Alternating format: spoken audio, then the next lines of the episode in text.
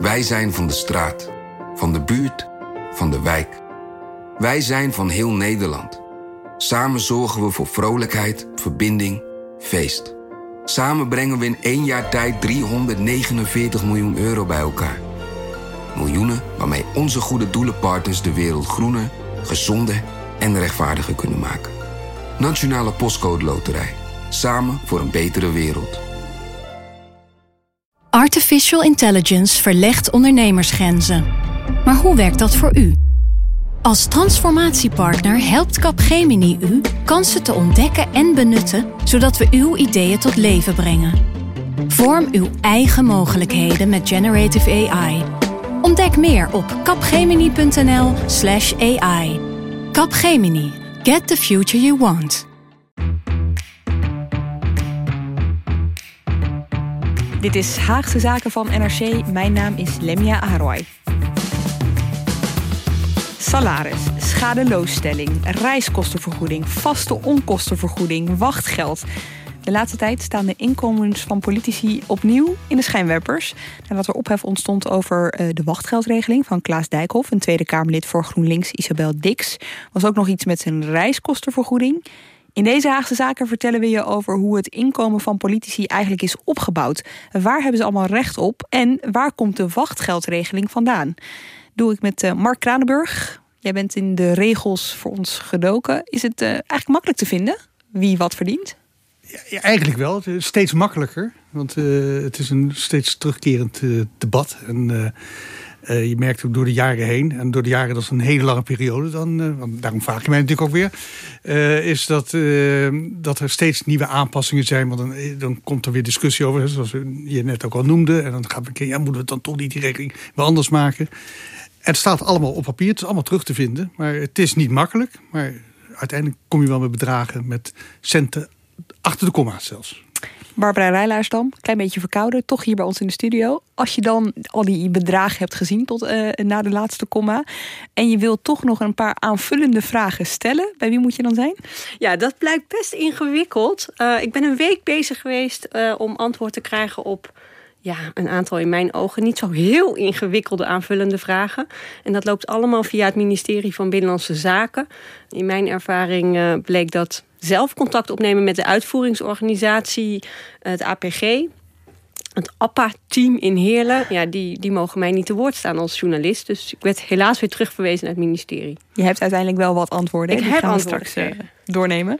Oké, wat we gaan doen deze uh, aflevering is per functie, dus Kamerlid, staatssecretaris, minister, minister-president, bekijken hoe het salaris is opgebouwd.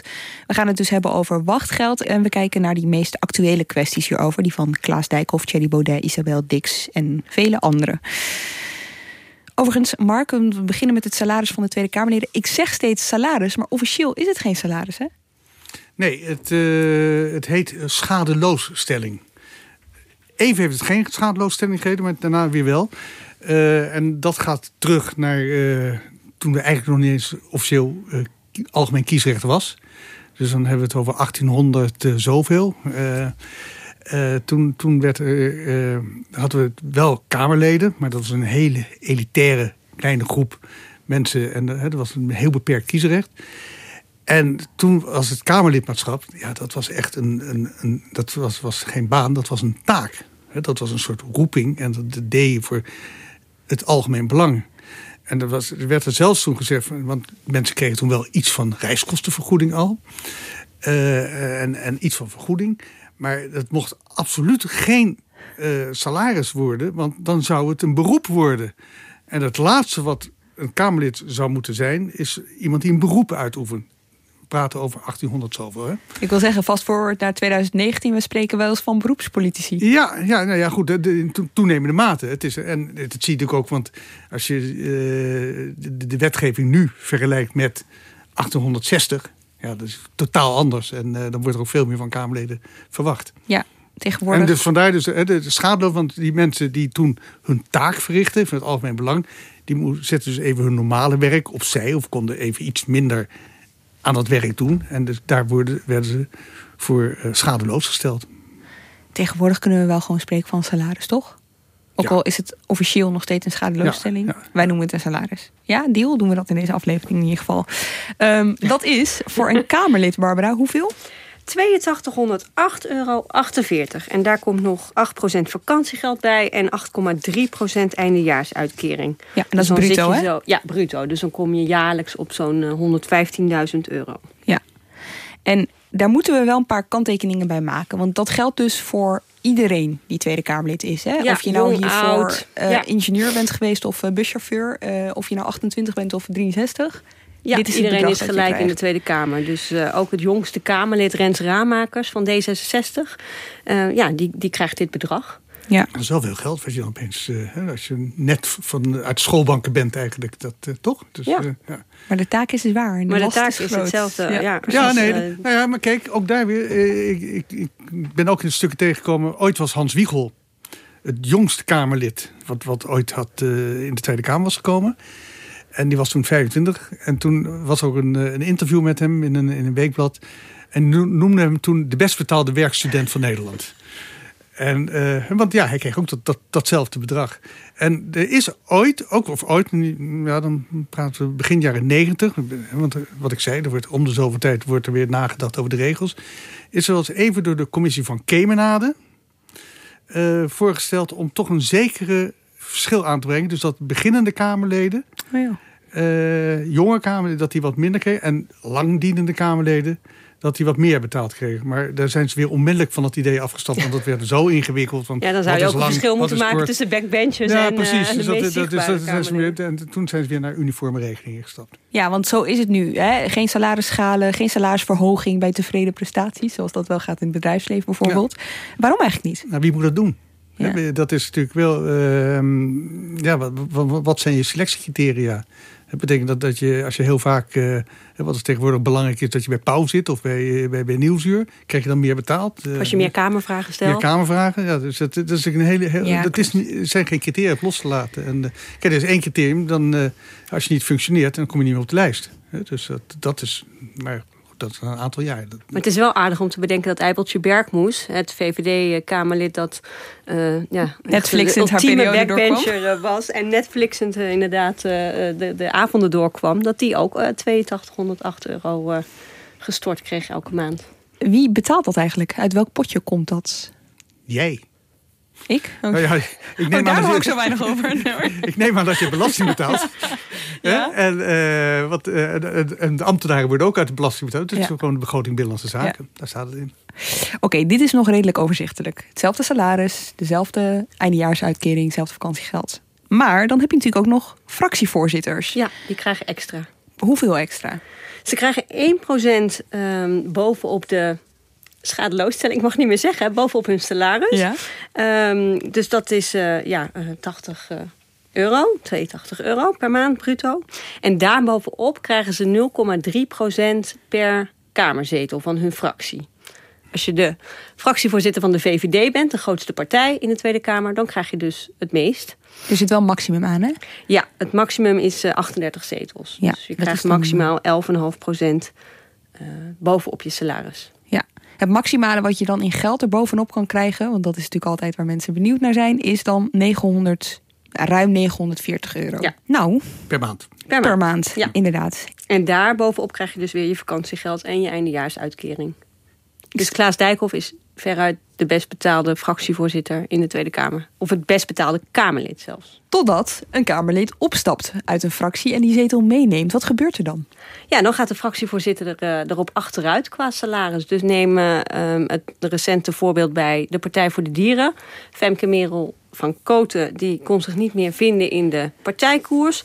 eh, stapte op. Nou, dat scheelt dan eh, huidige fractievoorzitter Esther Ouwehand 0,3 procent. En een eenmansfractie, krijgt zij dan ook extra, Femke Merel? Dat was vroeger zo, maar dat Oh ja. hebben ze afgeschaft in 2016. Dus eigenlijk met ingang van de ehm, Tweede Kamerverkiezingen van 2017 is dat afgeschaft. Vroeger kreeg je als Kamerlid dan inderdaad die fractievoorzitters uh, toelage van 1%. Dus, dus dan loonde je, het eigenlijk? Ja, als je opslag wilde, uh, dan kon je je afsplitsen... en dan krijg je 80 euro bruto extra. Ik weet niet of het helemaal opweegt, maar, uh, maar het is een afweging. Maar sinds 2016, de commissie Bisschop heeft dat voorgesteld... Om, om die regelingen wat te versoberen. Want ja, in de vorige periode werd het echt te gek met al die afsplitsers. Uh, dan had je de ene na de andere die alleen verder ging. En die namen ook nog eens het budget mee van hun oude fractie voor de staf. En dat was 165.000 euro per zetel. Dus toen de twee mannen van Denk zich afsplitsten van de PvdA... namen zij 330.000 euro aan budget mee. Dat is echt veel geld voor een partij. Ja, en sindsdien is dus die toelage voor het fractievoorzitterschap uh, opgeheven. Uh, ze krijgen nog maar geld voor één fractiemedewerker. En hun spreektijd bij debatten is gehalveerd. Dus je levert eigenlijk op, meer in dan dat je er wat aan overhoudt, ja, zeg maar. Ja, ja. Het moet niet te leuk zijn om af te splitsen, is het idee. Maar goed, je, je hebt natuurlijk nog wel altijd meer aandacht... dan als je gewoon één van de velen in de fractie was. Ja, Femke Merel van Koten doet nu heel vaak mee aan debatten. dus die is ongelooflijk zichtbaar. Ja, ja. en zij heeft, uh, las ik in een artikel in Trouw... overigens haar schoonmoeder uh, werkt voor de fractie, onbezoldigd. Net als haar man. Uh, hij is de fractiesecretaris. En hij doet dat voor niks, dus voor haar. En zij heeft één betaalde medewerker. Ah, dat noem ik nog eens toewijding. Ja, en ze heeft al ik meen 32 grote Kamerdebatten gedaan sinds de afsplitsing. Dus. Ja, het valt me op dat ze vaak in de, in de bankjes uh, zit, inderdaad. geen Netflix uh, voor Femke Merel van. In ieder geval niet in de Kamer. Oké, dan hebben we nog de voorzitter van de Tweede Kamer, de ondervoorzitters. Die krijgen ook een soort van toeslag. Meer geld in ieder geval dan Tweede Kamerleden. Dan gewone Tweede Kamerleden, als ik dat woord mag gebruiken. Uh, de voorzitter, Khadija Ariep, die krijgt 34% meer bovenop het salaris. Dat komt neer op uh, nou, ruim 2700 euro per maand. En dan zijn er ook nog ondervoorzitters. Over wie hebben we het dan? Ja, dat zijn de leden van het presidium. Het presidium bestaat in ieder geval uit de Kamervoorzitter en de ondervoorzitters. En dat zijn er nu acht van acht verschillende partijen. Dus de eerste ondervoorzitter is Okje Tellegen van de VVD. De tweede is Martin Bosma van de PVV. Nou, en dan heb je er nog uh, Marlene van Torenburg, CDA, Via ja. Bergkamp, Tom van der Lee, Ronald van Raak, Joël Voordewind en volledigheidshalve Henk Nijboer van de PvdA. En die krijgen allemaal meer geld? Ja, ietsje. Ja, 3,5% voor de eerste voorzitter, 2,5% voor de tweede voorzitter en de rest 1%. Ja. En hier zie je dus wel een beetje, hè, we hebben het net uh, iets van loon naar prestatie. Hè, want waarom is dit, dit deze toelage nou, voor een deel representatie, maar hoewel dat ook weer in andere regelingen zit. Maar ook omdat ze ja, aangenomen wordt dat, dat ze toch wat, wat, wat meer werk verrichten. Ja, hè, loon voor inzet. Ja. Dit is het loongedeelte. Dan komen we bij andere dingen waar Tweede Kamerleden nog recht op hebben. En dan beginnen we met de verblijfskostenvergoeding. Waar hebben we het dan over? Ja, uh, kijk, de Tweede Kamer is natuurlijk van, van iedereen. Hè? Dus uh, de Kamerleden moeten uit het hele land kunnen komen om het hele land te vertegenwoordigen. Uh, dus niet alleen uit, uit Den Haag of, of, de, of de Randstad, maar ook uit Groningen of uit Maastricht. Ja, dat brengt ook weer extra kosten met zich mee. Want uh, mensen worden wel geacht enige tijd in Den Haag te blijven. Hè, door de week. Uh, drie dagen, soms vier dagen. Uh, dus dan, dan, moet je er wel zijn. En dan moet het, ook, uh, moet het ook mogelijk zijn. Dus daarvoor krijgen ze ook weer een vergoeding. Ja, en hoe, hoe hoog dat dan is, dat is afhankelijk van de afstand tussen het Tweede Kamergebouw en je woonplaats waar je staat ingeschreven. En waar je dus minstens twee derde van de tijd overnacht. Een vandaag uh, onderzocht uh, eerder dit jaar dat het maximale bedrag dat je daarvoor kan krijgen 2032 euro en 25 cent per maand is. Dat is dan voor Kamerleden die verder dan 150 kilometer van Den Haag afwonen. Um, en die vergoeding die krijg je dus ook als je eigenlijk geen onkosten maakt, omdat je bijvoorbeeld gewoon bij een bekende hier op de bank slaapt. Dat is nog wel een goede toevoeging. Oké, dan is er daarnaast nog een vergoeding voor aan ambtsuitoefening verbonden kosten. 2762 euro en 40, euro en 40 cent per jaar. Weet iemand wat dit voor kosten zijn? Ja, ik zou gokken op representatiekosten. Dus koop een mooi mantelpakje of een mooi uh, kostuum als, als man. Mooie dassen. Uh, zoiets, dat je er netjes uit moet zien. Hippe uit hoofden van je functie. Ja, zoiets. Ja, dit is natuurlijk ook... Uh, allemaal herleidbaar ook naar, regelingen die in, in de ambtenarij ten dele bestaan. Hè, die niet voor elk ambtenaar, maar voor, voor, de, voor de top.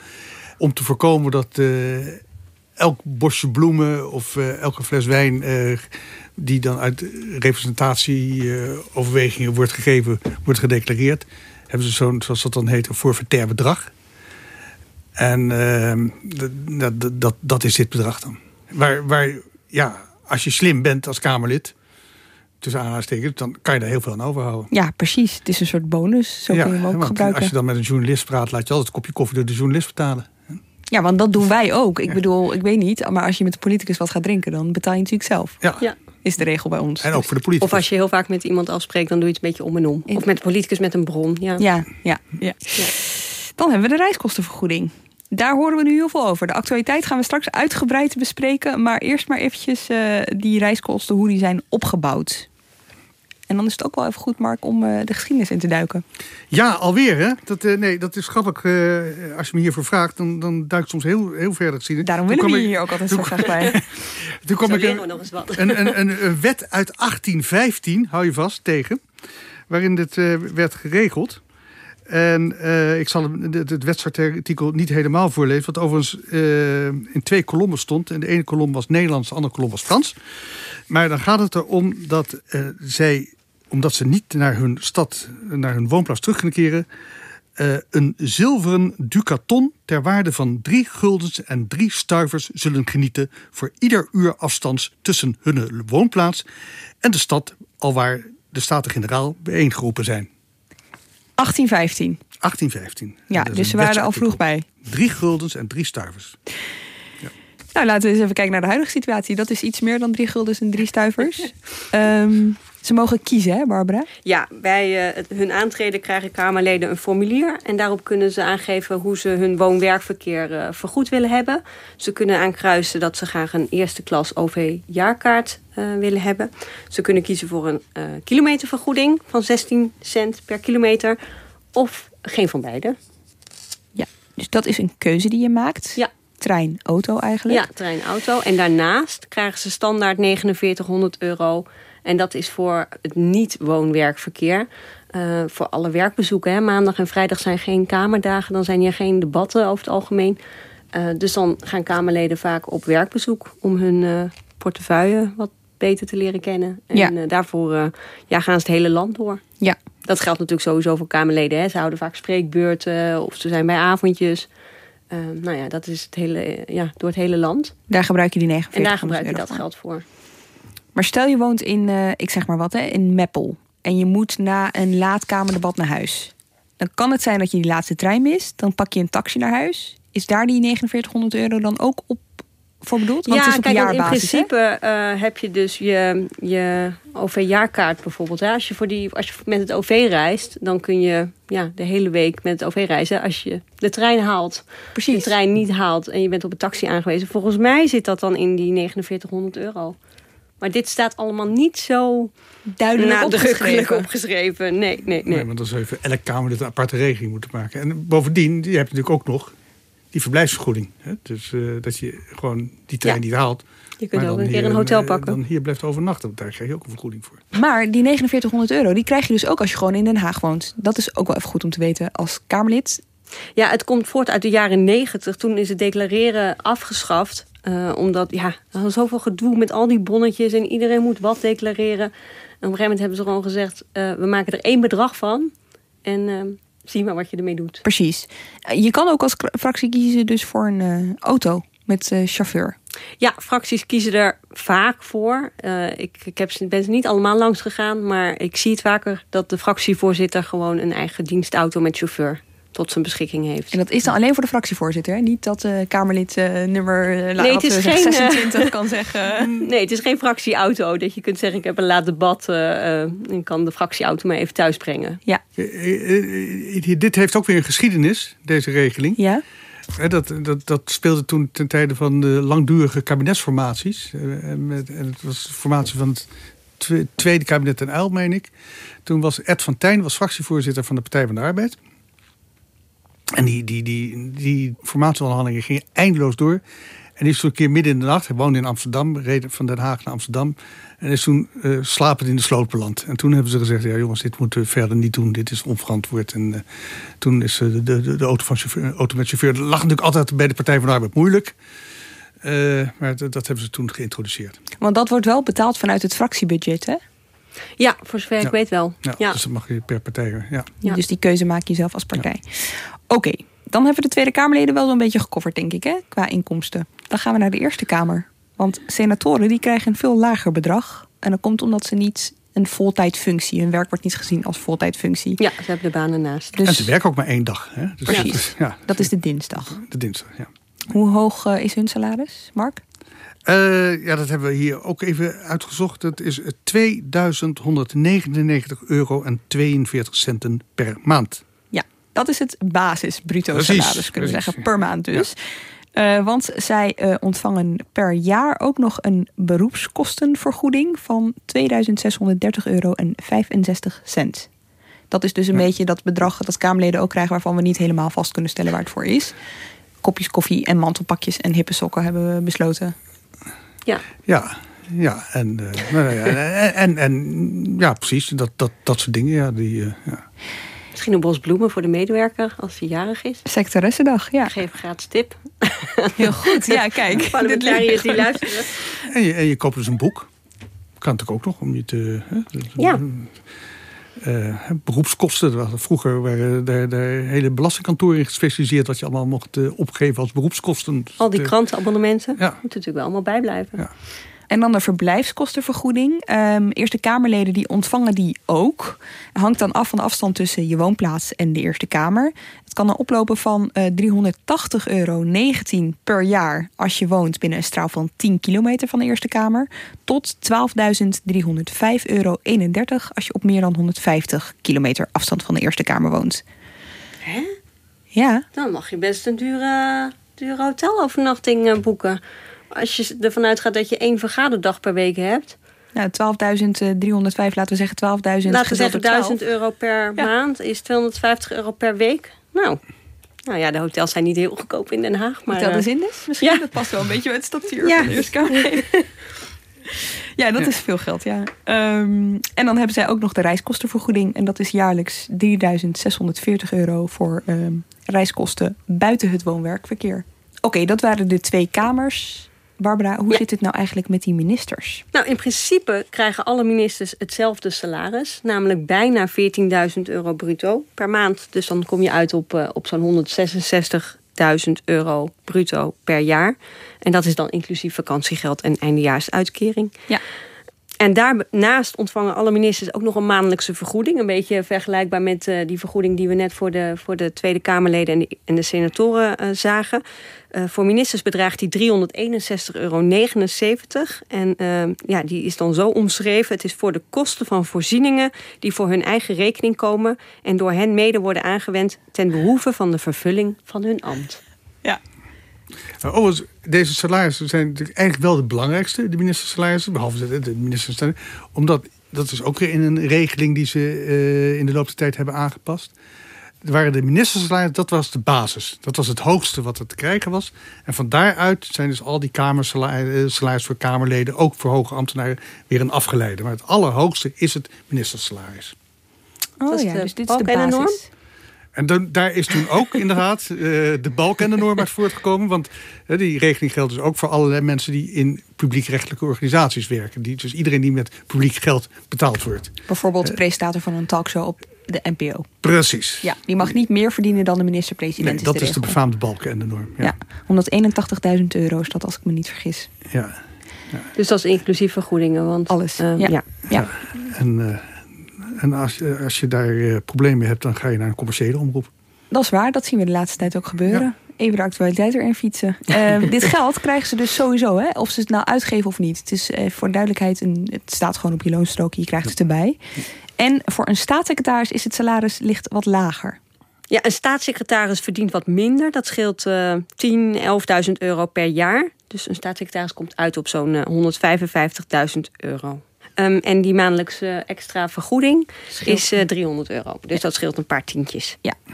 En uh, ministers en staatssecretarissen die krijgen dus ook een verhuiskostenvergoeding als ze 50 kilometer of verder van het ministerie wonen en ze zich binnen 25 kilometer gaan vestigen. Dus ze komen dichterbij te wonen.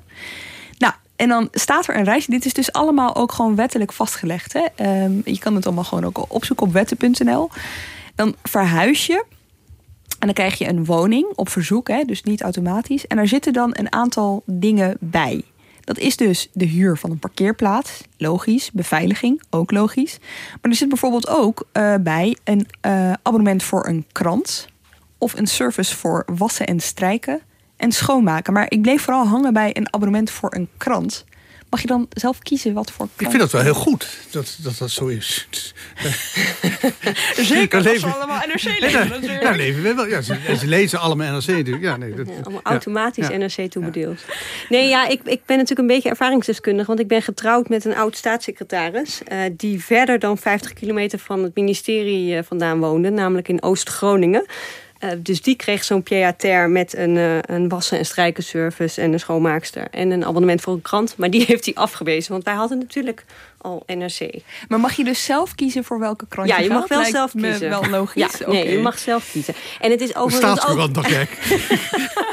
nou ja, of allemaal de Telegraaf of zo, weet je wel. Dat er wel ambtenaar zit die denkt... Nou... Het is overigens ook niet zo dat, dat er een soort kazerne in Den Haag staat waar ze, waar ze allemaal op een rijtje wonen. Uh, ieder ministerie regelt zelf uh, een pied-à-terre voor de bewindspersonen, waar ze dus al dan niet gebruik van maken. Um, dus zo heb je een appartement waar de bewindspersonen van economische zaken zitten. Het is gewoon een vast appartement waar ze ja. elkaar op, opvolgen dan. Ja. Wat me wel opviel is, want je kijkt dan dus uh, naar het voorzieningenbesluit ministers en staatssecretaris, hè, als we het mm -hmm. hebben over de wet. En er worden dus dingen geformuleerd, jongens. Echt, je komt er soms niet uit, ben ik uh, achtergekomen.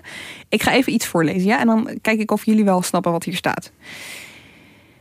In plaats van de in het eerste en tweede lid bedoelde voorziening kunnen bewindslieden die niet zijn verhuisd en van wie de woning zich op een afstand van tenminste 50 kilometer van het ministerie bevindt en die op het tijdstip van benoeming reeds een gemeubileerde verblijfsvoorziening binnen een afstand van 25 kilometer van het ministerie in eigendom hebben, comma, aanspraak maken op een bedrag ter vergoeding voor verblijfskosten waarvan de hoogte afhankelijk is van de afstand van de woonplaats of deel van de woonplaats van de betrokkenen tot het gebouw van het betreffende ministerie. Punt.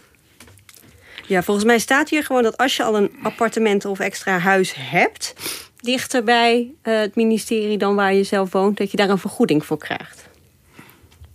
Een soort. Dus een vergoeding voor het huis dat je al hebt. Ja, omdat ze anders een pied-à-terre voor je zouden bekostigen. Dat hoeven ze niet. En dat hoeven ze niet. Dus je wordt gecompenseerd voor het feit dat je. Maar dat had je al, hè? Dus bedoel, ja. Het is een meevaller. Okay. Voor de betreffende bewindspersoon zou ik zeggen. Dat je dit eruit haalt. Ik kom naast je zitten op de redactie. Ik ga hier vaker gebruik van ja. Ik heb jarenlang Binnenlandse Zaken en Justitie gedaan. Hè. Dat, dat, ja, dit is, ja, maar kijk, dit, dit is een soort van wettekst. En uh, kijk, daarvoor zijn wij er van uh, als, als, journalisten van kranten om, om dit te vertalen. Maar wetteksten zijn natuurlijk zo. Hè, want dat moet alles... Uh, ja, uitsluiten, uitsluiten en, en, insluiten. insluiten. Dus, ja. En hierdoor krijg je dus ook toeslagenaffaires. Hè? Dat mensen dit Precies, omdat het en, uh, er ja. een beetje vaag uh, ja. staat. Ik moest zelf echt denken aan de duidelijke taalbrigade van uh, Raymond Knops, minister van Binnenlandse Zaken, die een heleboel tekst van de overheid wat wil versimpelen. Ik dacht, Ja. ik heb nog wel een ideetje voor jullie. Misschien moeten we onze Japke de Bama een keer op de overheidsteksten Dat is echt loslaten. een heel goed idee. Dat is echt een heel goed idee. Dan een mailtje sturen. gaan we naar de minister-president. Die verdient in principe hetzelfde als andere ministers. Mark. Ja. Ja. Ik Jij. viel van mijn stoel toen ik dit las. Ja. En Mark en ik riepen in koor, hij is de primus inter pares. Ja, ik dacht echt, nou, ik viel, ik, ja jongens, in de research voor deze podcast viel ik van de ene verbazing in de andere. Zo lijkt het en zo is het ook. Um, Maar naast de minister-president krijgt de minister uh, van Buitenlandse Zaken. Die twee hebben een soort uitzonderingspositie. Uh, die krijgen een bedrag van 720 euro ruim. Uh, dat is dan dat bedrag voor sokken en uh, boeken waar we het net over hebben gehad, zeg maar. Dat is het. Dus een minister-president verdient in Nederland niet het meest. Nou ja, ik bedoel niet het meeste. Ja, wel. eh, wel eh, maar samen met de minister van Buitenlandse Zaken. Ja. Precies, ja. Ja, ja maar jij, bent, eh, jij legt veel te veel nadruk op dat laatste woord, president.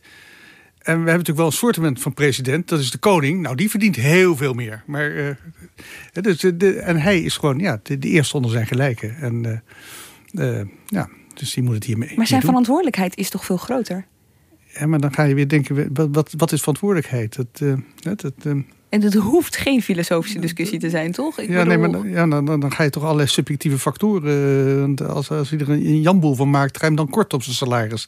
Je kort hem of, met stemmen. Dan krijgt hij geen stemmen meer. Maar dat, dat, dat is in het systeem. Dat, ja, ik weet niet. Hij vertegenwoordigt Nederland in het buitenland. Maar goed, dat doet de minister van Buitenlandse Zaken natuurlijk ook. Ik zit hier niet te pleiten voor een salarisverhoging voor de minister-president. En voor duidelijkheid, maar het verbaasde me gewoon. Ja, ja maar goed. Het is, uh, uh, je ziet in andere landen, hè, dat, uh, er zijn ook want ook in internationale vergelijkingen scoort de premier niet heel hoog, ook niet heel laag hoor. Dus het is redelijk gemiddeld. Ik geloof in Groot-Brittannië is het behoorlijk meer, maar in België ongeveer hetzelfde en zo. Dus het, het komt wel allemaal overeen met andere, andere landen.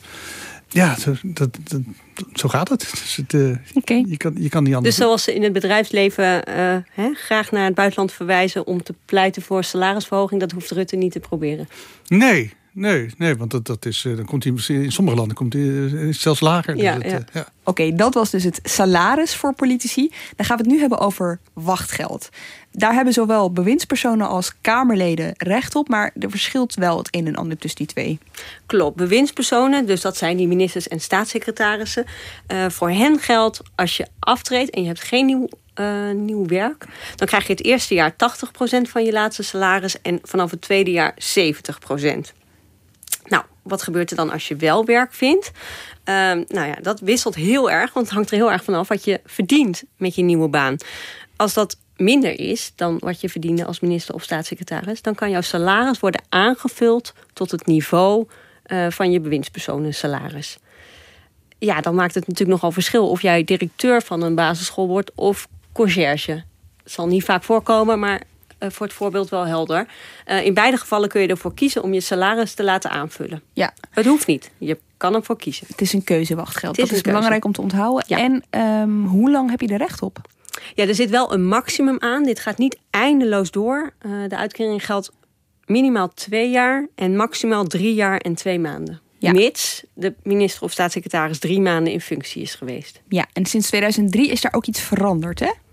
Ja, Sinds 2003 krijgt de minister of staatssecretaris die minder dan drie maanden in functie is geweest bij zijn aftreden of haar aftreden, uh, nog maar wachtgeld uh, gedurende zes maanden. Ja, dat is belangrijk om te onthouden. Ja, dit moet je even onthouden. Het klinkt ingewikkeld, maar dit uh, speelde de afgelopen twee weken een grote rol hier op het Binnenhof. Ja. En overigens heeft, heeft dat ook weer een geschiedenis dat ze dat veranderd hebben in 2003. He, omdat we toen uh, staatssecretaris hebben gehad die maar één week in functie zijn geweest. En toen bleek dat ze met een cv hadden gerommeld en toen weer direct zijn afgetreden. Dit was Filomena Bijlhout. Ja, en LPF. daarvoor, LPF. En daarvoor hebben we ook nog Charles Swietert gehad. Waar was die van? Die was van de VVD en staatssecretaris van Defensie. En die had beweerd dat hij een, een, een doctorandenstitel had en die bleek niet te hebben. Dus die heeft het ook niet lang uitgehouden. Bij Kamerleden ligt het wel iets anders, hè? Ja, nou eigenlijk geldt hiervoor hetzelfde. Alleen de uitkering vervalt op de dag dat het voormalig Kamerlid... Uh, nou ja, ofwel de pensioengerechtigde leeftijd bereikt... terugkeert in de Tweede Kamer of Eerste Kamer... Um, of wanneer het ex-Kamerlid aan een nieuwe functie begint. Dus daar kan je niet je salaris laten aanvullen... Uh, tot op het niveau van het Kamerlidmaatschap. Hoe zit het nou eigenlijk, Mark, met dat wachtgeld? Ik bedoel, waarom is het ooit bedacht? Wat is het idee daarachter? Ja, daar, is ook altijd uh, heel veel discussie over geweest. Want hoezo? Uh, en, maar het idee daarachter is dat het, het is een, in de politiek het is een onzeker beroep. He, er kan bij wijze van spreken vandaag besloten worden dat er nieuwe verkiezingen komen. En dan zijn al die 150 Kamerleden zijn onzeker van hun baan, bij wijze van spreken. En daarom kan je het niet vergelijken met een gewone baan. Was altijd het idee. En uh, omdat je vindt dat wij als, als, als samenleving denken... ja, we hebben het ook wel recht op, op, op goede politici... Hè, dat mensen daar ook vermelden. En, uh, dat, ja, we dat, vinden de democratie een groot goed. De democratie is, is belangrijk. Hè, dat, dat, dat, dat de mensen daar ook toe in staat stellen. Dus dat ze, hè, ze nemen risico, maar dat risico moet ook niet te groot zijn. Het moet niet afschrikken. Nee. Maar goed, die discussie is natuurlijk ook voortgeschreden. Want uh, de onzekerheid van een baan nou, als je nu om je heen kijkt, het aantal flexibele uh, werknemers dat we hebben, dat, dat groeit gigantisch. En zeggen wij, wij zijn net zo onzeker van onze baan als, uh, als, als politici, bij wijze van spreken. Dus vandaar dat het ook behoorlijk is versoberd door de jaren heen. Ja, ik kan me ook voorstellen, kijk, als jij PVV-Kamerlid wil worden, dan is dat risico misschien iets groter, omdat de kans op een baan na je PVV-kamerlidschap misschien weer wat kleiner is. Ja, die verhalen hoor je heel vaak. Met Precies. name inderdaad bij omstreden of eh, heel uitgesproken parlementariërs of politici, dat die ja, eh, na, na hun eh, politieke loopbaan moeite hebben om iets anders te vinden. Ik kan me voorstellen dat dat ook een soort van factor is in zo'n wachtgeldregeling. Dus dat je ervoor zorgt dat dat niet zodanig afschrikt dat de PVV bijvoorbeeld geen Kamerleden kan vinden. Nee, en je hoort heel vaak dat recruiters gewoon heel veel moeite hebben om eh, ja, mensen uit het bedrijfsleven naar de politiek te halen. Terwijl je wil eigenlijk, hè, de, de, de Tweede Kamer moet een afspiegeling zijn van de samenleving. Dus je wil ook wat meer mensen uit het bedrijfsleven of ondernemers trekken. Eh, ja, daarvoor ehm, geldt ook ditzelfde afbreukrisico. Of, Ja. eh, hè, dat heeft natuurlijk ook weer te maken met, met de beloning deels. Hè, Ja. voor, voor, van, dat het natuurlijk in, eh, eh, in veel gevallen, tenminste zeker voor topfuncties, niet, niet te vergelijken is met het, met het kamer, kamersalaris. En, en, en dat, ja, het werk is toch anders. Hè. De mensen voor een groot deel speelt zich af in de openbaarheid. Dat is ondernemers ook niet gewend. Nee. Je hoort wel eens verhalen van ondernemers die hier komen kijken, die een paar dagen met een fractie meelopen. Nou ja, die hebben zoveel meer respect na afloop. Ze zeggen, ja, als dat zo moet gaan. Hè, tegelijkertijd zeggen ze dan ook, nou, never nooit, ik Kamerlid. Hè, dus dat, Ja. dat- dat, eh, En dat is nog de inhoud van het werk. En daarnaast lig je natuurlijk echt onder een vergrootglas. Want mensen, al je uitlatingen worden op een weegschaaltje gewogen. Als je ook maar net iets anders zegt dan wat het partijstandpunt is, dan is dat nieuws. Ehm, en daarnaast kijk, ja, men op, op social media en de pers... kijkt veel meer misschien ook nog dan vroeger. Dat weet Mark misschien weten naar... Ja, hoe ziet iemand eruit? Hoe, hoe kleedt iemand zich? Wat voor raar kapsel heeft iemand? Hè? Het, het, Joh, als je af en toe op de mentions van een, politi- van een Ja. politicus Ja. eh, kijkt, dat is echt eh, niet eh, om naar huis over te schrijven. Nee. ja, je moet wel eelt op je ziel hebben, maar nu moet je echt uh, hele dikke eeltlagen hebben. Hè. Dus, ja. Krijg je nou ook wachtgeld als je weggestuurd wordt? Daar ben ik nog wel benieuwd naar. Dus stel, eh, je bent als minister, heb je gelogen over dat je in een datje hebt gezeten met eh, Poetin, hè? minister Ja. Zijlstra. Mhm. En eh, je stapt op.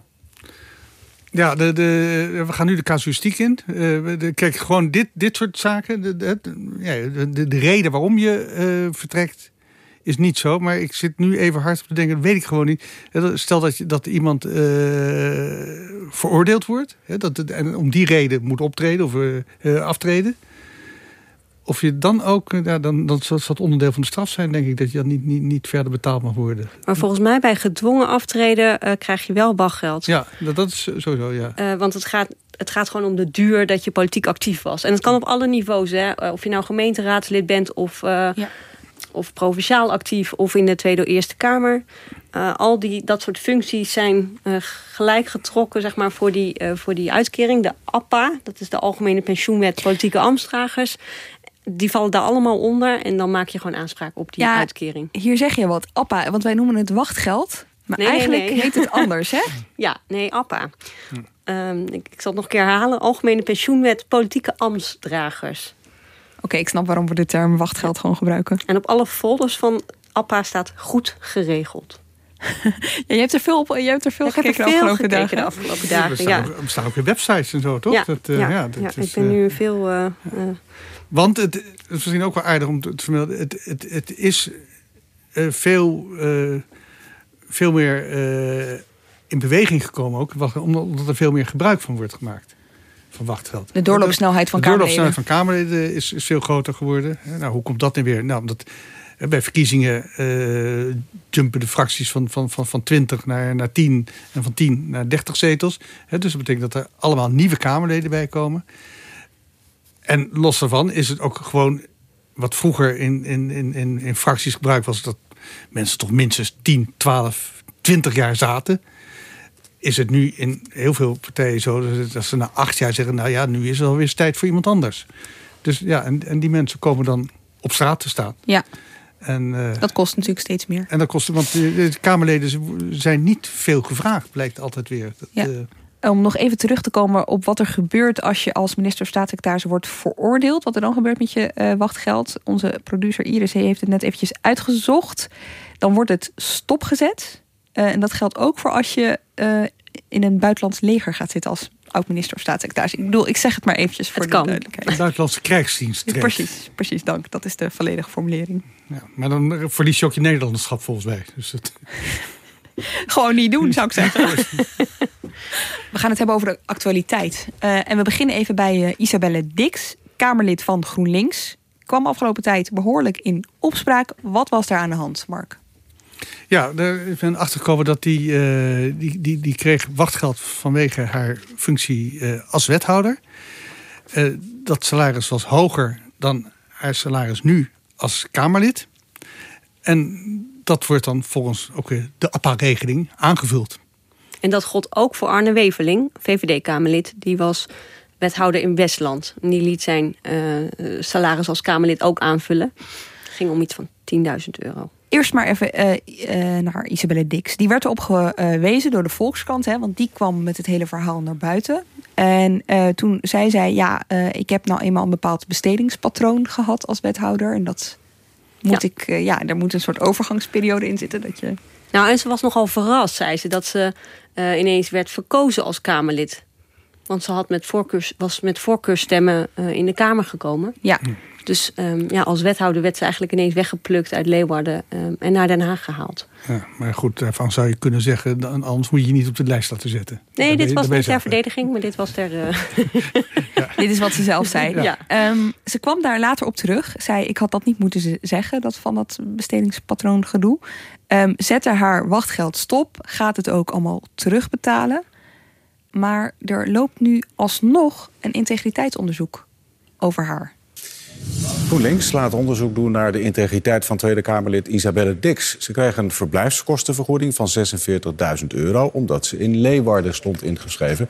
En nu blijkt dat ze inmiddels is verhuisd naar Den Haag. Het gaat over uh, onwijs veel geld. Uh, en ik vind ook dat daar helderheid over moet zijn. Of de, uh, ja, dat er helderheid moet zijn of dat terecht is uitbetaald of niet. Eerder werd bekend dat Dix wachtgeld kreeg bovenop haar salaris.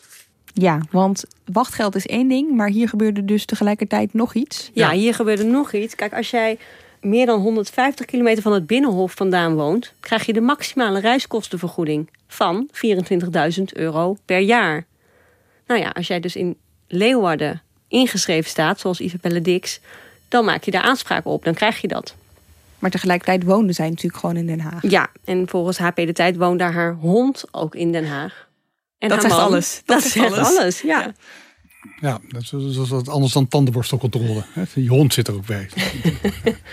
maar goed, uh, GroenLinks laat nu dus een integriteitsonderzoek uh, naar haar doen. Dat is op zich best wel uh, ernstig als Kamerlid. Maar even voor, voor alle helder, voor, voordat we er helemaal in, in, de grond boren. Het is,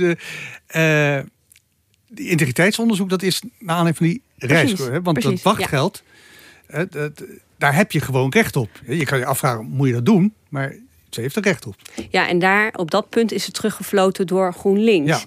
Ja. Uh, de partij zei, dat wisten wij niet. We vinden het niet wenselijk. Uh, stort het terug. Stop het, stort het terug. Dat gaat ze dus ook doen? Dat gaat ze doen. En de, reiskosten is dus het tweede punt. En daarvan heeft uh, Jesse Klaver gezegd... nou, er komt een, een integriteitspersoon bij de Tweede Kamer. Die begint in januari. Uh, die mag onderzoek gaan doen naar deze kwestie en oordelen um, ja, of het al dan niet in de haak is. Ja, dat is sowieso een nieuwe regel. Geldt voor de hele Tweede Kamer. Dat Tweede Kamerleden vanaf januari dus met hun integriteitskwesties uh, vertrouwelijk dat kunnen voorleggen aan die uh, integriteitspersoon. En die gaat er dan naar kijken. Um, die verder dus niet een soort uh, die gaat niet zelf. rechtelijk oordeel heeft. Nee, nee die kan nee. alleen adviseren. Ja, en die gaat ook niet zelf actief op zoek naar uh, wie overtreedt de integriteitsregels nee. wel of nee. niet. Maar die heeft alleen een adviserende functie. Maar goed, wat Dix hier gebeurt hè, met die woonplaats, dat is wel eerder gebeurd. En ook best wel recent. Was ook de Volkskrant die daarachter kwam. Uh, Dion Graus van de PVV en Theo Hiddema, die ja. kregen uh, van, de, van Forum voor Democratie. Die kregen allebei een vergoeding voor een woonplaats waar ze eigenlijk niet woonden. Klopt. Uh, Theo Hiddema die had opgegeven dat hij in Maastricht woonde. Dus die kreeg ook die 24.000 euro. Maar die woonde gewoon het grootste deel van de tijd in Amsterdam. Um, nou ja, wist dat naar eigen zeggen niet dat hij daardoor ten onrechte zoveel uh, geld te veel kreeg en heeft dat uh, aan de poezenboot overgemaakt. Goed doel. Um, en Dion Graus, die stond ingeschreven in Heerlen. Um, maar ja, die woonde gewoon hier in de buurt. Wist de Volkskrant te onthullen. Um, Dion Graus die, die blijft erbij dat hij in Heerlen woont. En die heeft ook wel een, een ja, een, een, een verweer waar, ja, waar je heel moeilijk iets tegen in kunt brengen. Hij zegt namelijk dat hij nooit wordt gezien in Heerlen, omdat hij altijd in vermomming rondloopt. Omdat hij permanent gevaar loopt als PVV'er. Ja. Ja, op die manier kom je er natuurlijk nooit achter. Nee. En, en hieruit blijkt dus ook, hè, de Tweede Kamer gaat dit niet controleren. Je krijgt gewoon zo'n formulier bij je aantreden. Uh, je, je vult in of je een OV-kaart wil of, reis, of uh, kilometervergoeding. En je vult je adres in. En dan gaat niemand ooit kijken... Um, loop jij wel in Leeuwarden of Maastricht of Heerlen rond? Ja, het is volledig op vertrouwen, op basis ja. van vertrouwen. En dat is natuurlijk ook een van de oorzaken van de, van de maatschappelijke discussie die dan staat. Dat mensen zeggen, ja, maar ik moet elk bonnetje moet ik laten zien of kunnen verantwoorden. En hoe zit het dan met die Kamerleden die die, die, die, die wetten eigenlijk hebben gemaakt? Iemand die nu ook in de problemen is gekomen door wachtgeld en reiskostenvergoeding is Klaas Dijkhoff. Dit moeten we eventjes uitleggen en ook een beetje ontspinnen. Want er is veel rond gespind, uh, Barbara. Ja, maar hopelijk kun je als luisteraar nu met alles wat we je net hebben verteld... Uh, het allemaal een beetje beter plaatsen en, en begrijpen. Waar komt het op neer? Eerst maar eens even het wachtgeld. Ja, eerst het wachtgeld. Uh, dat kwam naar buiten in de Volkskrant. dat was 23 november het schijnt dat Dijkhoff dit zelf ook al eerder naar buiten heeft gebracht. Um, dat heb ik niet teruggezocht, moet ik eerlijkheidshalve zeggen. Maar uh, hij, hij daar zelf mee. Hij zegt, ik heb daar nooit geheimzinnig over gedaan. Nou, hoe zat het nou met Dijkhoff? Hij was een tijd Kamerlid. Uh, en toen moest VVD'er Fred Teven aftreden als staatssecretaris van asiel. Toen mocht Klaas Dijkhoff een plekje opschuiven... en kwam hij in het kabinet Rutte 2 terecht. Dat heeft hij een tijd gedaan.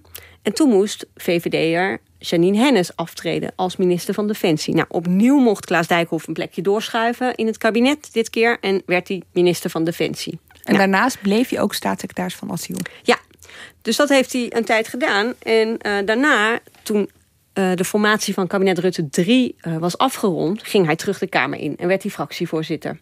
Toen heeft hij ervoor gekozen om zijn salaris te laten aanvullen tot het niveau van zijn vorige functie. Maar wat was die vorige functie? Minister van Defensie. En dat heeft hij korter dan drie maanden gedaan. Dus hij had recht op zes maanden wachtgeld aanvulling ja, tot dat ministersniveau. En daarna eh, werd teruggeschakeld naar het staatssecretarisniveau. Ja.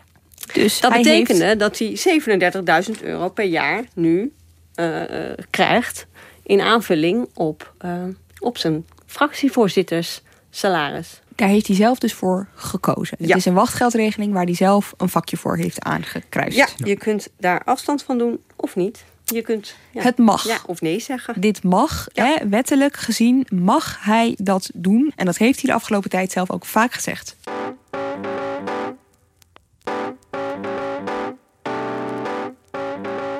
Het wachtgeld, ik vind daar nog steeds hetzelfde van. Daar heb ik voor gewerkt. Ik heb daar ook recht op.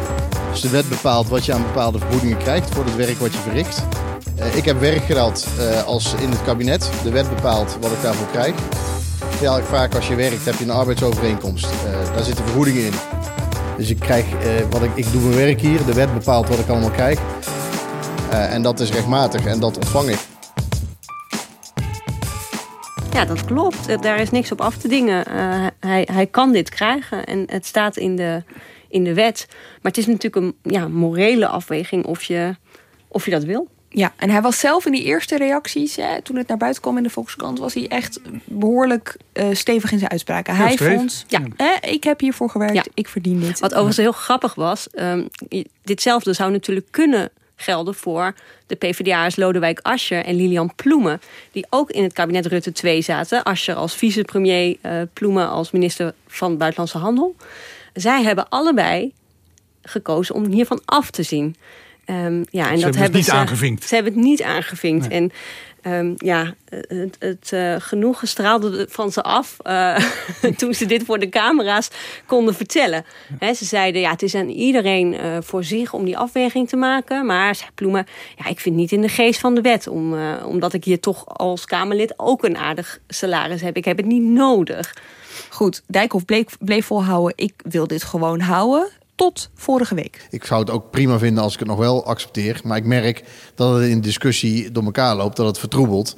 Uh, en daarom heb ik uh, besloten om te zeggen, nou vanaf nu hoef ik het niet meer. Hij ging het uh, terugstorten, zei hij. En Weverling, die wethouder waar we het net over hadden van het Westland... die heeft toen ook gezegd, VVD-Kamerlid... ik ga stoppen met het ontvangen van mijn wachtgeld. Ja, en dat klonk heel nobel. Ehm, maar Frank Hendricks, onze collega van de Volkskrant... die dit allemaal heeft uitgezocht... die twitterde meteen daarna... Ja, uh, hij had nog maar 4000 euro te goed. Dus uh, het, het, klonk, het, klonk, heel, uh, als heel wat, maar dat viel wel mee. Ja, Dijkhoff zegt dus voor de duidelijkheid nu... ik heb er nog steeds recht op, maar ik stop er toch mee. Ja, hij heeft een, een flink uitvoerige verklaring gegeven... op zijn Facebookpagina die dag. en daaruit bleek dat hij niet de regeling stopzetten omdat hij van mening was veranderd, maar puur omdat er opnieuw ophef was. En hij vond het vervelend voor zijn collega's. Het, het leidde af van het werk. Iedereen werd erop aangesproken. Hij zei: Ik ben niet van mening veranderd. Ik ga niet nu ineens een, een meer wenselijke mening verkondigen. Um, maar hij wilde eigenlijk af van het gezeik. Maar hier is even: de timing is even heel belangrijk. Want de dag waarop hij aankondigde te stoppen met zijn wachtgeldregeling, schreef HP de Tijd een ja. stuk over zijn onterecht ja. ontvangen reiskostenvergoeding. Dat is de nieuwe ophef waar ik het over heb. Die dag uh, inderdaad bleek dat Klaas Dijkhoff 4900 euro per jaar ontvangt aan reiskostenvergoeding. Terwijl hij een dienstauto met chauffeur tot zijn beschikking heeft voor, uh, voor al zijn zakelijke reizen en zijn woon-werkverkeer. Nou ja, Klaas Dijkhoff zei daarvan, uh, ik, ik wilde die vergoeding niet. Ik heb aangegeven in de tijd, ik wil geen uh, OV-jaarkaart, ik wil geen kilometervergoeding. Uh, en ik wil ook die vaste vergoeding niet. Maar uh, ja, die, dat is niet doorgevoerd bij de administratie van de Tweede Kamer. Um, dus hij heeft dat wel gekregen. En hij heeft dat nooit ontdekt. Even ontspinnen nu. Hij krijgt wachtgeld. Dat komt naar buiten via de Volkskrant. Hij zegt, nou, ik heb hier gewoon recht op, ik blijf dit ontvangen. Dan komt via HP de tijd naar buiten dat hij onterecht een reiskostenvergoeding krijgt. En zijn reactie daarop was: ik ga stoppen met mijn wachtgeld. Waar ja. hij dus wel gewoon recht op had. Mm -hmm. Ja, dat is wel. Ja, wat ik zeg, hij, hij had gewoon geen, geen zin meer in het, uh, in het gedoe en, en alle discussie. Ondertussen, ja, in Den Haag zeggen ze natuurlijk altijd dat ze niet naar de peilingen kijken. Maar was de VVD ook twee zetels kwijtgeraakt in de peilingen van Maurice de Hond. En die weet dat aan deze kwestie. Uh, had ook even gevraagd hoeveel VVD'ers vonden uh, dat Klaas Dijkhoff uh, geen recht had op het wachtgeld. Um, of hè, die aanvulling. Nou, ja. dat was de helft. Wij dus kijken, dat, wij kijken dat, zelf nooit naar, naar zulke peilingen. Nee, hè? Wij maar kijken dat altijd naar de hier, peilingwijzer. Het speelt hier toch ja. allemaal mee. Dus het telde allemaal op. En toen kwam dit weer. En daar komt ook bij, het, het speelt natuurlijk allemaal op het meest onmogelijke moment. Hè, dat het Binnenhof vol stond met uh, ouders die gedupeerd waren door de Belastingdienst. omdat ze zogenaamd fraude zouden hebben gepleegd. Ja. En, um... Ik zat bij dat debat en er werd echt gehuild op de publieke tribune. En daar komt ook nog bij dat de VVD natuurlijk zelf heel hard is in zijn oordeel over mensen die frauderen met uitkeringen. Of mensen die een bijstandsuitkering krijgen. Hè. De VVD uh, is er dan als de kippen bij om te zeggen... ja, je moet wel een tegenprestatie leveren... en je mag niet zomaar uh, hè, dat geld uh, ontvangen zonder er iets voor terug te doen En voor de maatschappij. vakantiegeld hebben ze ook niet nodig, bijstandskrijgers. Dat wordt dan ook gezegd. Dus het, ja, Ja, dat maakt heel het hard allemaal heel, heel moeilijk. En wat vooral opviel was dat Klaas Dijkhoffs um, communicatie... Uh, de beeldvorming niet echt uh, ten goede beïnvloeden. Omdat hij dingen zei als... Nou, ik kijk nooit op mijn loonstrookje. Jij wel? Terwijl een heleboel mensen in Nederland natuurlijk elke maand op hun loonstrookje kijken. Om, ja, In de hoop dat er toch nog iets bij in, in de is. hoop dat hoe langer je daarnaar kijkt het misschien omhoog gaat. Maar, hè, nee, maar iedereen kijkt niet, en er ja. is zoveel gedoe. Ja. Dus uh, ja, het, Ja. het, het, het is Die een beetje... ultieme nonchalance die Ja, die had. zijn, zijn nonchalance die, uh, Ja. die, die, die heeft hem genekt in deze kwestie. Ja, dat vond ik dus best dat vond ik eh, opmerkelijk. In de zin van normaal eh, is het soms een soort van verfrissend dat hij er allemaal een beetje eh, dat hij er wat laconiek doet over de ophef van de dag. Hè? Ja, anderen vinden het lomp. Hè? Dus je hebt twee kampen uh, in maar het goed. oordeel over zijn nonchalance. Ja, ja, maar, norm, dus, maar dit keer leek het gewoon niet te werken. Nee. In zo'n geval moet je ook um, ja, sharp zijn, scherp. Gewoon helder, duidelijk. En niet, ja, niet een beetje uh, nonchalant te proberen vanaf te komen. Tegen de Volkskrant zei hij toen dit allemaal naar buiten kwam in dat uh, eerste verhaal uit november. Ik geef mijn gegevens door aan het ministerie van Binnenlandse Zaken en zij doen daar dan hun voodoo. Hoe zit het nou precies?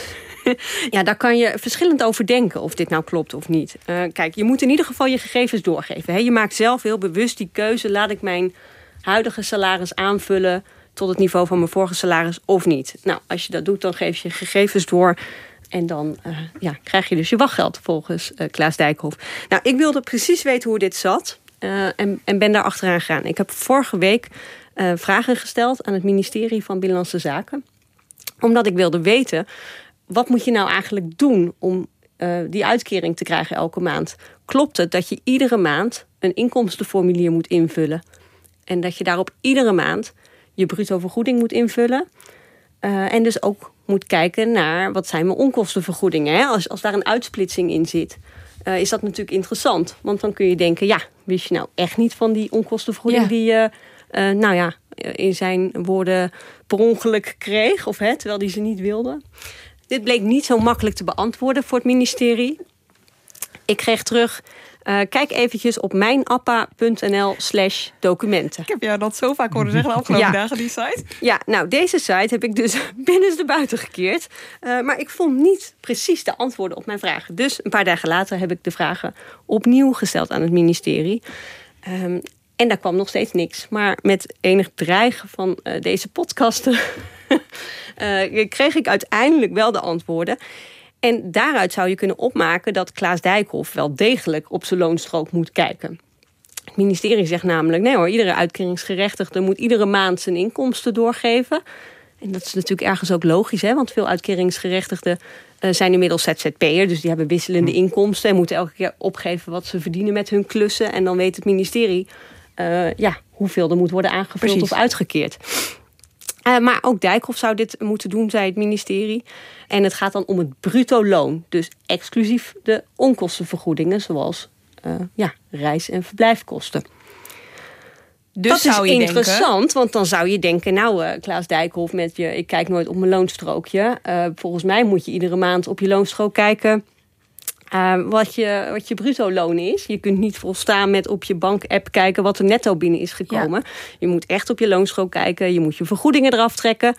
Dus dan had je ook kunnen zien dat je die reiskostenvergoeding kreeg die je niet had gewild.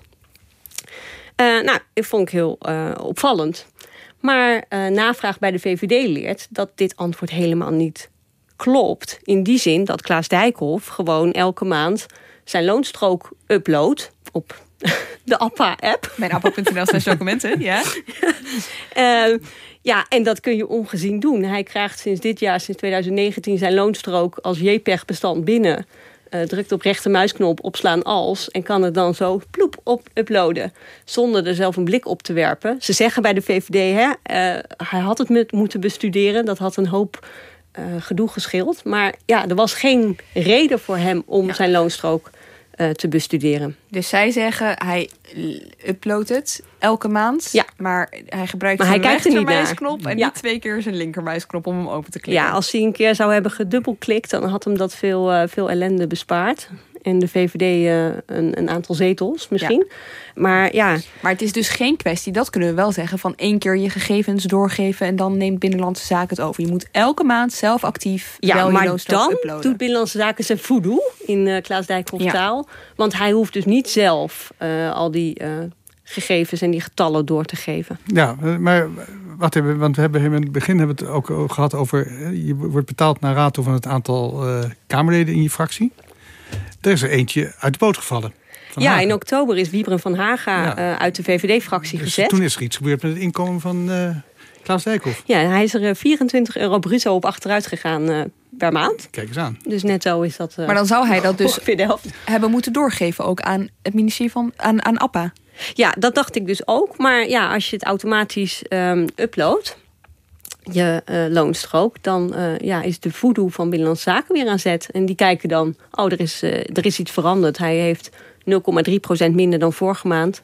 En dan wordt de uitkering daarop aangepast. Ik vraag me toch af, hè, wat doet dit nou met de partijleider? Van de VVD, Mark Rutte. Hoe kijkt hij hiernaar? Ja, van Rutte is bekend dat hij nooit iets declareert. Die wil, die wil daar geen gedoe over. Nou ja, hij, hij krijgt natuurlijk ook een hoop vergoedingen. Dus op een gegeven moment kun je ook afvragen wat die, mensen die, nog moeten Die, die heeft toch geen tijd om uit te geven, toch? Nee, nee maar ja, je kunt je dus voorstellen dat, dat ja, dit heel ver afstaat van, van Rutte. Maar en hij dat heeft hij er dit... tegelijkertijd zelf ook een beetje mee te maken. Ja, dat kwam dus ineens naar buiten vorige week. Ik heb vanwege autoriteit ook uitgezocht hoe het zit met die reiskostenvergoeding.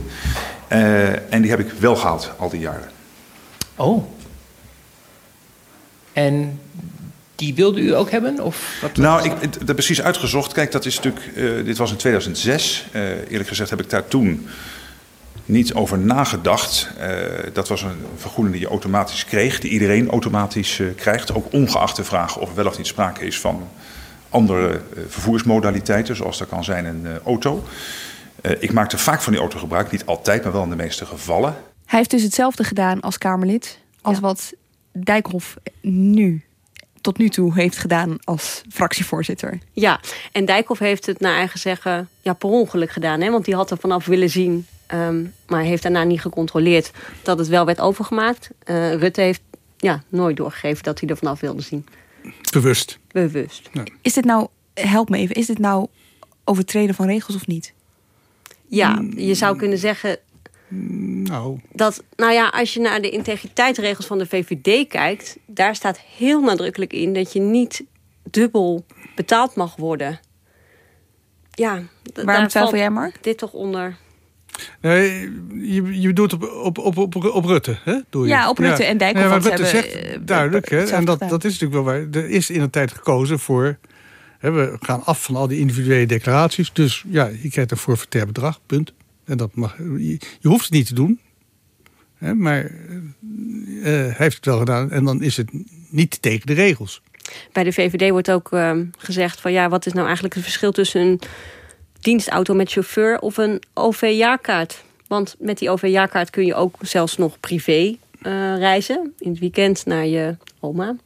Um, dat mag Dijkhoff niet met zijn chauffeur. Hij mag die chauffeur echt alleen voor zakelijke ritten gebruiken. En in beide gevallen krijg je En in beide gevallen euro uh, kregen ze die 4900 euro. Oké, okay, we hebben dus Dijkhoff, we hebben uh, Rutte. Maar er is nog iemand waarvan bleek dat hij hetzelfde vakje had aangekruist. En dat is Thierry Baudet.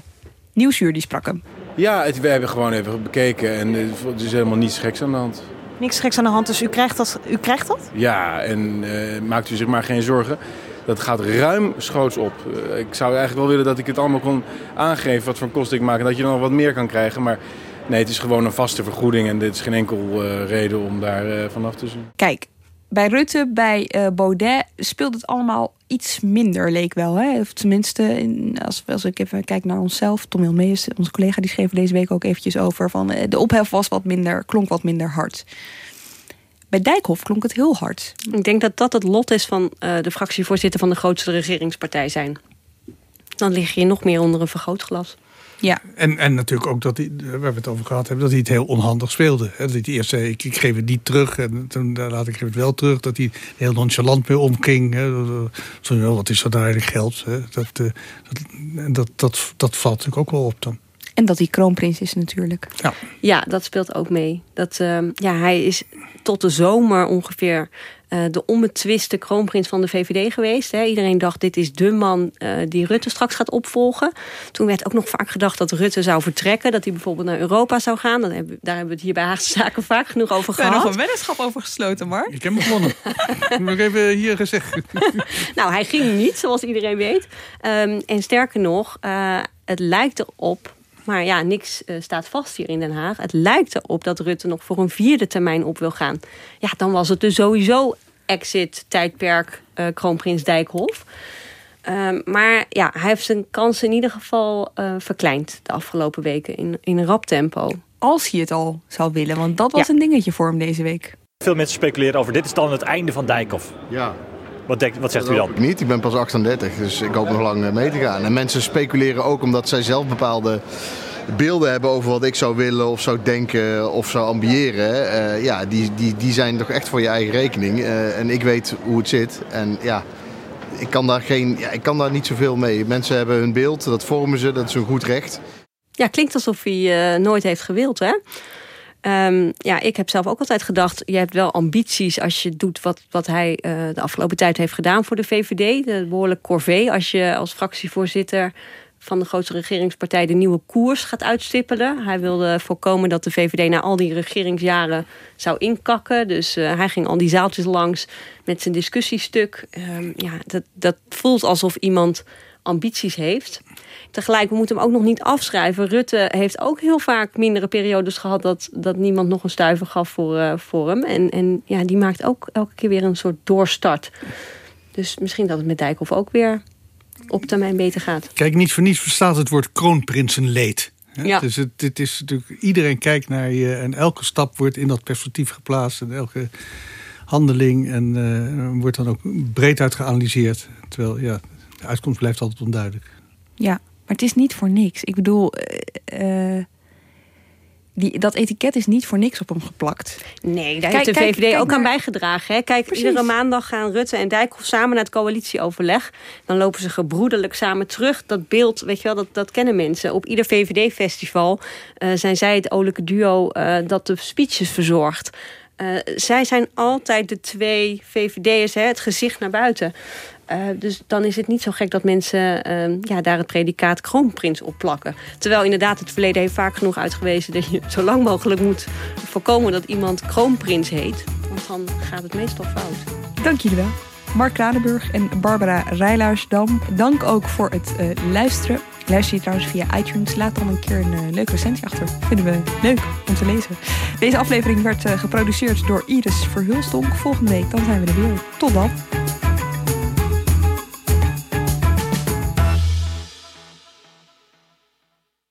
Je hebt aardig wat vermogen opgebouwd. En daar zit je dan, met je ton op de bank. Wel een beetje saai, hè? Wil jij, als belegger, onderdeel zijn van het verleden of van de toekomst? Bridgefund is een slimme fintech die een brug slaat tussen de financiële behoeften van ondernemers en van beleggers. Dus wie belegt bij Bridgefund krijgt niet alleen een mooie vaste rente, maar brengt ook ondernemers in beweging. Echt waar, met die ton kan je zoveel betere dingen doen. Bridgefund. Make money smile.